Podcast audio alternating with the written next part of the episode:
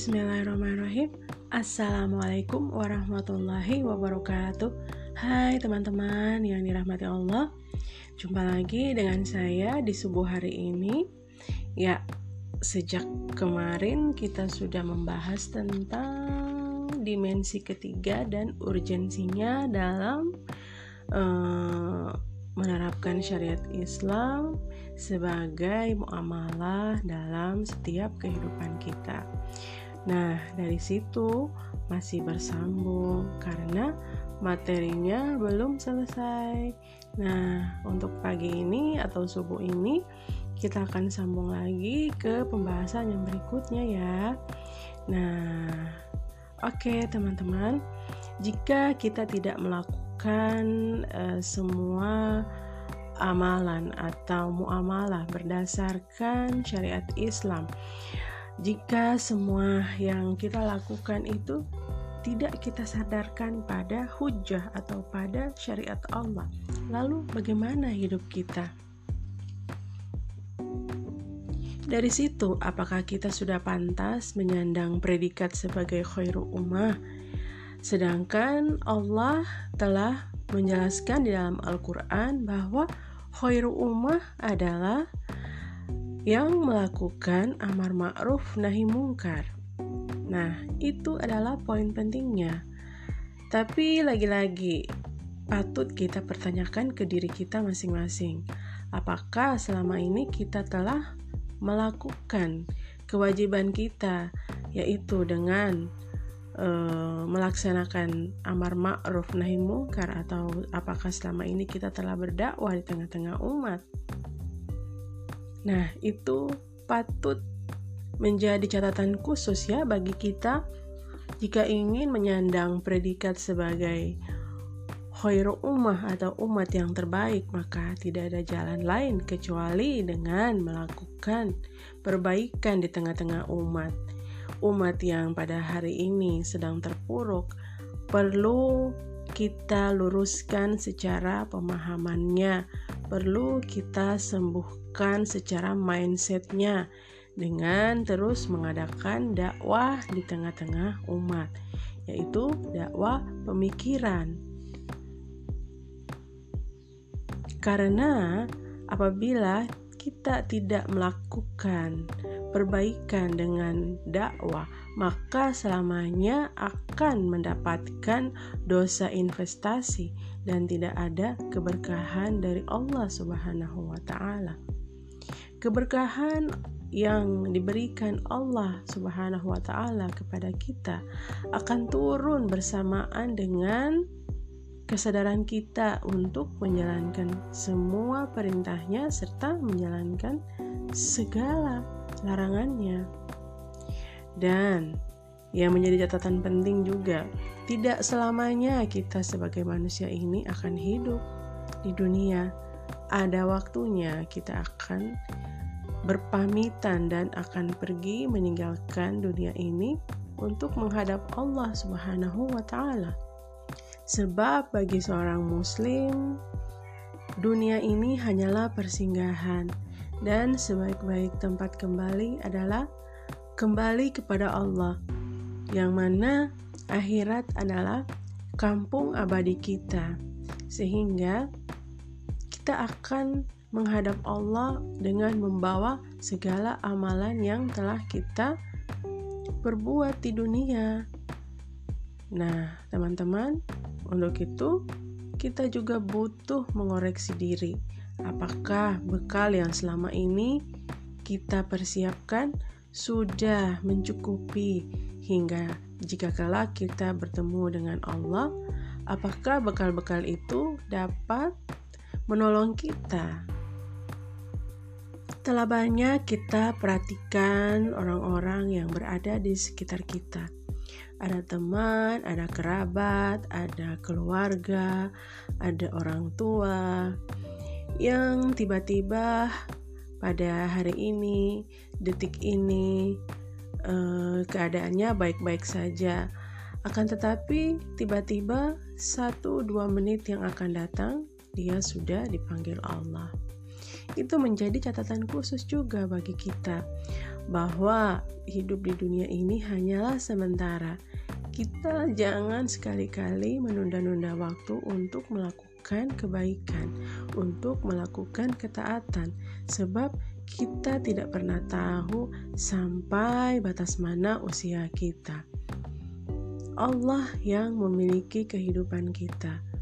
Ajal manusia tidak ada yang tahu. Namun, tugas kita hanyalah satu: mempersiapkan segala sesuatunya, sehingga apabila sewaktu-waktu Allah memanggil kita, kita telah siap untuk kembali menghadapnya. Mumpung kita masih hidup di muka bumi, kita harus dan wajib melakukan perubahan di tengah-tengah umat dengan melakukan dakwah pemikiran. Ya, sebagaimana kita ketahui bersama bahwa manusia dikatakan bangkit apabila pemikirannya juga cemerlang dan pemikirannya sesuai dengan apa-apa yang Allah Subhanahu wa taala inginkan.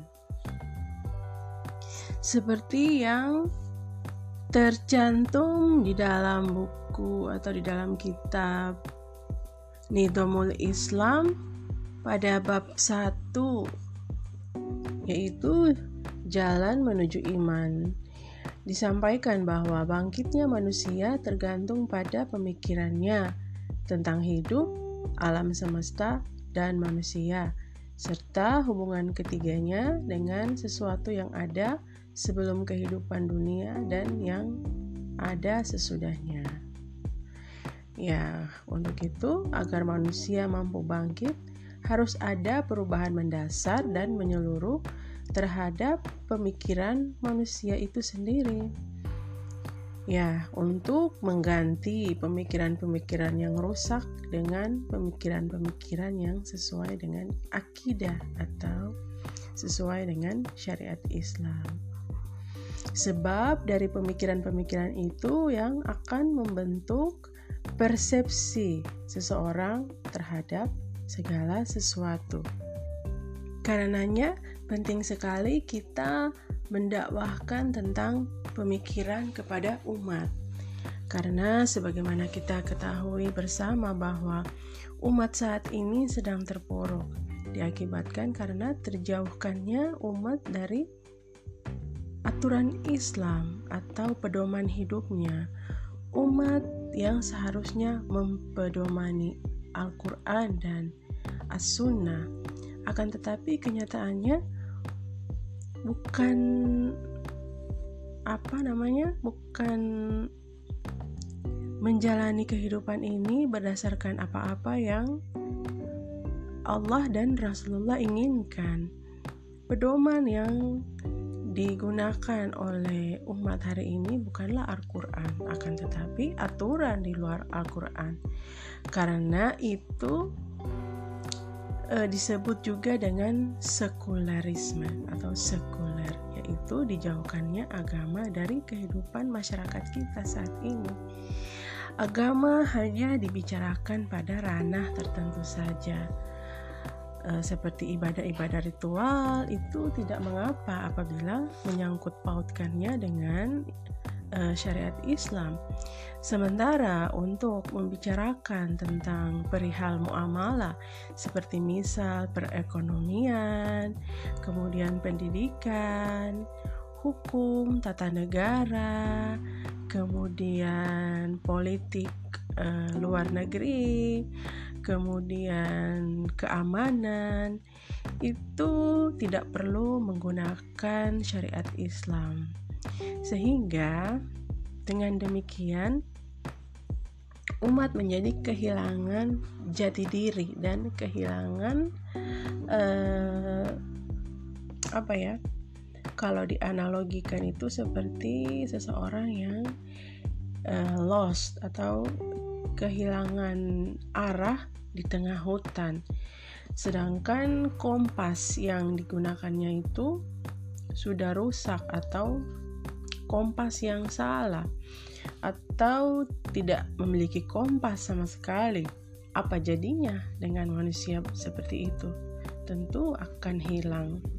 Karena itu, selagi nyawa masih dikandung badan, mari terus bergerak mengadakan dakwah pemikiran di tengah-tengah umat, membawa atau membuka wawasan atau membuka mindset umat sehingga membawa mereka dari keterpurukan kembali kepada uh, pemikiran yang cemerlang.